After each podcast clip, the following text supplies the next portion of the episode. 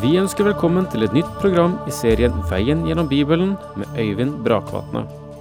Denne studieserien er produsert av P7 Kristen Riksradio, og i disse første programmene vil Øyvind Brakvatne ha en introduksjon til serien og Bibelen.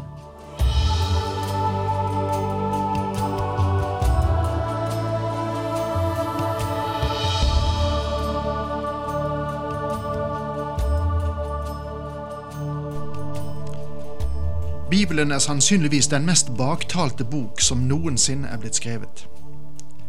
Den har blitt angrepet som ingen annen bok.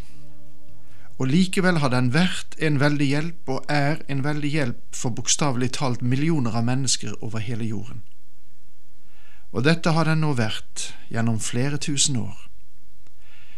En bok som har en slik karakter, og har hatt en så kolossal innflytelse over menneskeslekten, fortjener sannelig en redelig vurdering både av menn og kvinner. På dødsleiet spurte sir Walter Scott om hans venn Lockhart kunne lese for ham. Litt forvirret for Lockhart over bokhyllene med alle de bøker Walter Scott hadde skrevet, og spurte Hvilken bok skal jeg lese? Og sir Walter svarte Hvorfor spør du om det? Der er bare én bok. Gi meg Bibelen. Der er bare én bok for ethvert menneske som er i ferd med å dø, men det er også boken for ethvert menneske som lever. En mengde mennesker blir ikke interessert i Bibelen før de kommer til siste slutten av livet, eller før de kommer i en rekke vanskeligheter. Selvfølgelig er det vidunderlig å ha en bok der du kan finne trøst i slike situasjoner, men det er også en bok for dem som lever, lever livet i all sin bredde. Det er en bok å møte livet med i dag, og det er den boken som gir den eneste sikre reiserute gjennom verden og inn i den neste verden. Det er den eneste boken som kan gjøre oss i stand til å møte livets nødsituasjoner og være en buffer mot de sjokk som kan komme oss i møte i livet. Bibelen er forskjellig fra alle andre bøker. At denne boken har hatt innflytelse over store menn og kvinner som i sin tur igjen har hatt innflytelse på verden, synes helt klart. La meg dele noen sitater med dere. Det var en afrikansk prins som kom til England og ble forestilt for dronning Victoria. Denne prinsen stilte et meget egenartet spørsmål. Hva er hemmeligheten til Englands storhet? Dronningen tok frem et vakkert innbundet eksemplar av Bibelen, ga det til prinsen og sa, Dette er hemmeligheten til Englands storhet. Jeg undrer, mine venner, om det kan være slik at Englands forfall, som andre nasjoners forfall, kan ha sin grunn i at de er kommet bort fra Guds ord.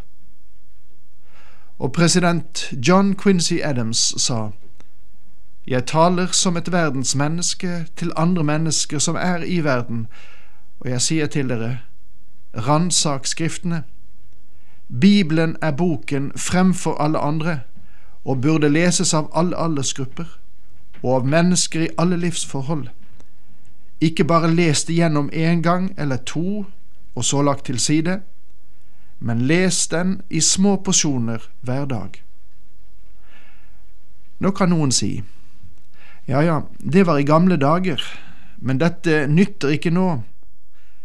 Vi lever i et komplisert og pluralistisk samfunn. Men jeg påstår, jo lenger vi kommer bort fra denne boken, jo mer komplisert blir vårt samfunn.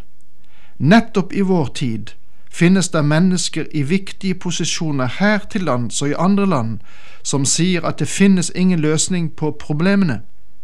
Det er årsaken til at jeg vil undervise i Guds ord i sin helhet. Jeg tror at det er den eneste løsningen. Det var eh, Daniel Webster som uttalte følgende.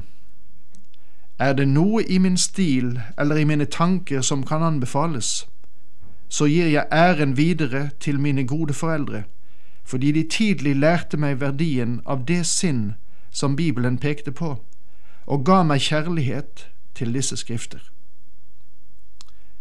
Men eh, hva med dere i dag, kjære foreldre? Fostrer dere i hjemmet enn Daniel Webster, eller bare rebeller? Webster sa også dette, jeg har lest gjennom Bibelen mange ganger. Jeg har nå gjort det til en fast praksis å gå gjennom Bibelen én gang i året. Det er boken fremfor andre, både for jurister så vel som for prester. Jeg beklager det mennesket som i denne boken ikke kan finne et riktig forråd av tanker og retningslinjer.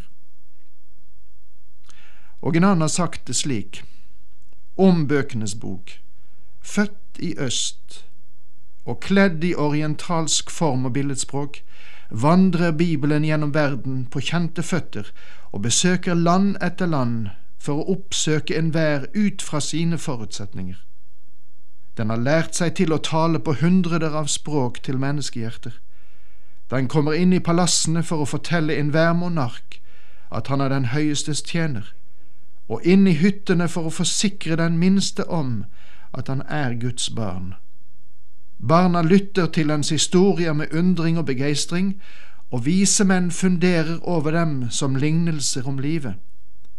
Den har et ord om fred i en tid av konflikt, et ord om trøst i en tid av sorg, et ord om lys i mørkets time.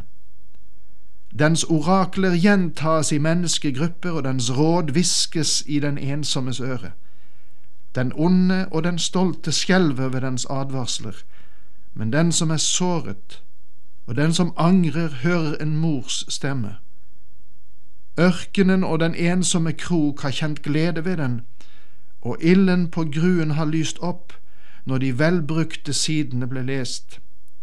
Den har vevet seg inn i våre kjæreste drømmer, slik at kjærlighet, vennskap, sympati og tilbedelse, minne og håp kledde seg i dette kjære språkets vakre dakt, som dufter av røkelse og myrra. På hvilken måte er Bibelen enestående? Ja, på mange måter er Bibelen en uvanlig bok.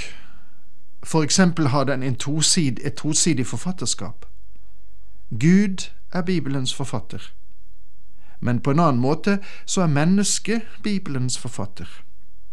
Faktisk ble Bibelen skrevet av omkring 40 forfattere over en periode på omkring 1500 år. Noen av disse menn hørte aldri om de andre, og det var ingen avtale mellom de 40. To eller tre av dem kunne ha muligheten til å komme sammen og drøfte et opplegg, men andre kunne ikke ha kjent til hverandre. Og likevel så har de presentert en bok som har den mest forunderlige kontinuitet som noen bok kunne tenkes å ha, og den er uten feil. Hver forfatter uttrykte sine egne følelser i sin egen generasjon. Hver av dem hadde sine begrensninger og gjorde sine feil. Stakkars gamle Moses gjorde også sine.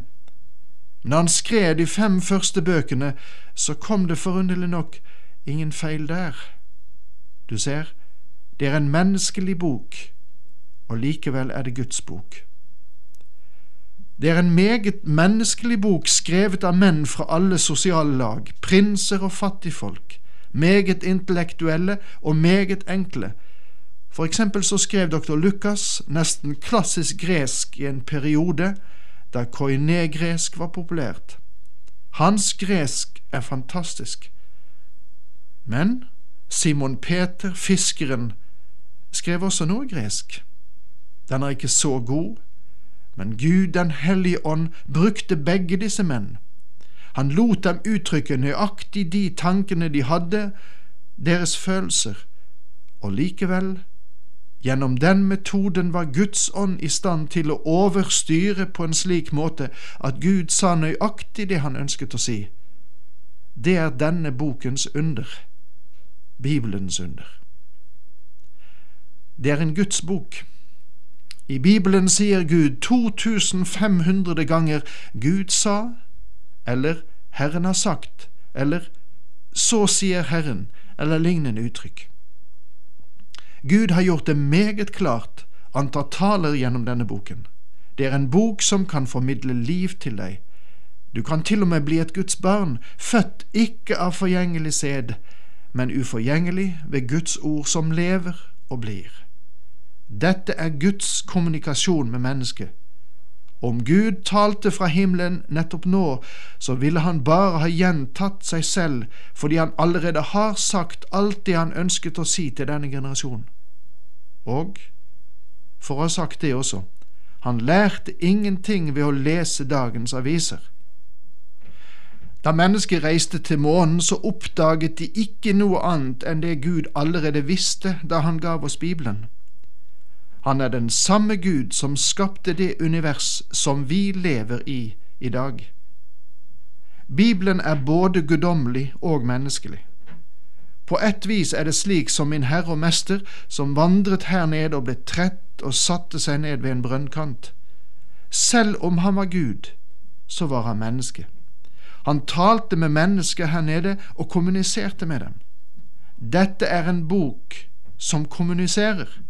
Den taler til mennesker i dag også. Bibelen er for mennesker slik som de er. Bibelen er en korridor mellom to evigheter som Kristus, Gud, vandrer ned gjennom. Hans usynlige skritt gir ekko gjennom Det gamle testamentet når vi møter ham ansikt til ansikt i Det nye testamentets tronsal. Og det er gjennom denne Kristus alene, korsfestet for meg, at jeg har funnet tilgivelse for mine synder og evig liv. Det gamle testamentet er summert opp i ordet Kristus, og Det nye testamentets sum er ordet Jesus. Og summen av hele Bibelen er at Jesus er Kristus. Ja, slik sa biskop Pollock det, og jeg kunne ikke ha sagt det bedre. Men så kan vi stille spørsmålet hvordan vet vi at Bibelen er fra Gud? Hvordan vet vi at Bibelen er Guds ord? Og Det er et godt spørsmål, og det bør både stilles og besvares. For det første, tenk på bevaringen av Skriften.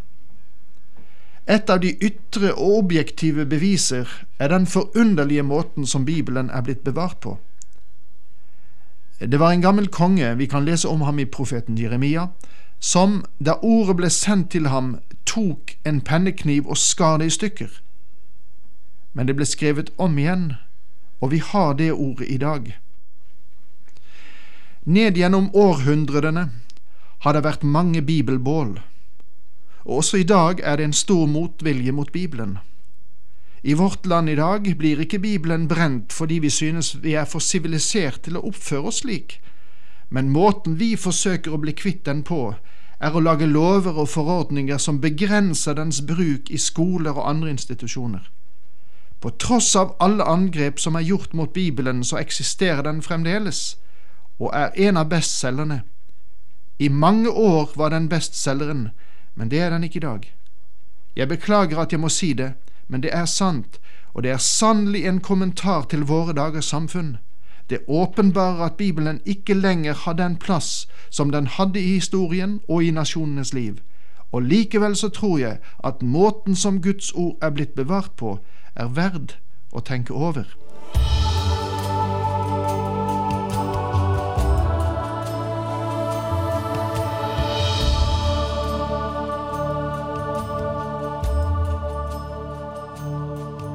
Du hørte Øyvind Brakvatne i studieserien Veien gjennom Bibelen. Serien bygger på et manus av Vern McGee. Har du spørsmål eller kommentarer til programmet, kan du sende en e-post til vgb krøllalfa p7.no. Takk for i dag, og på gjenhør.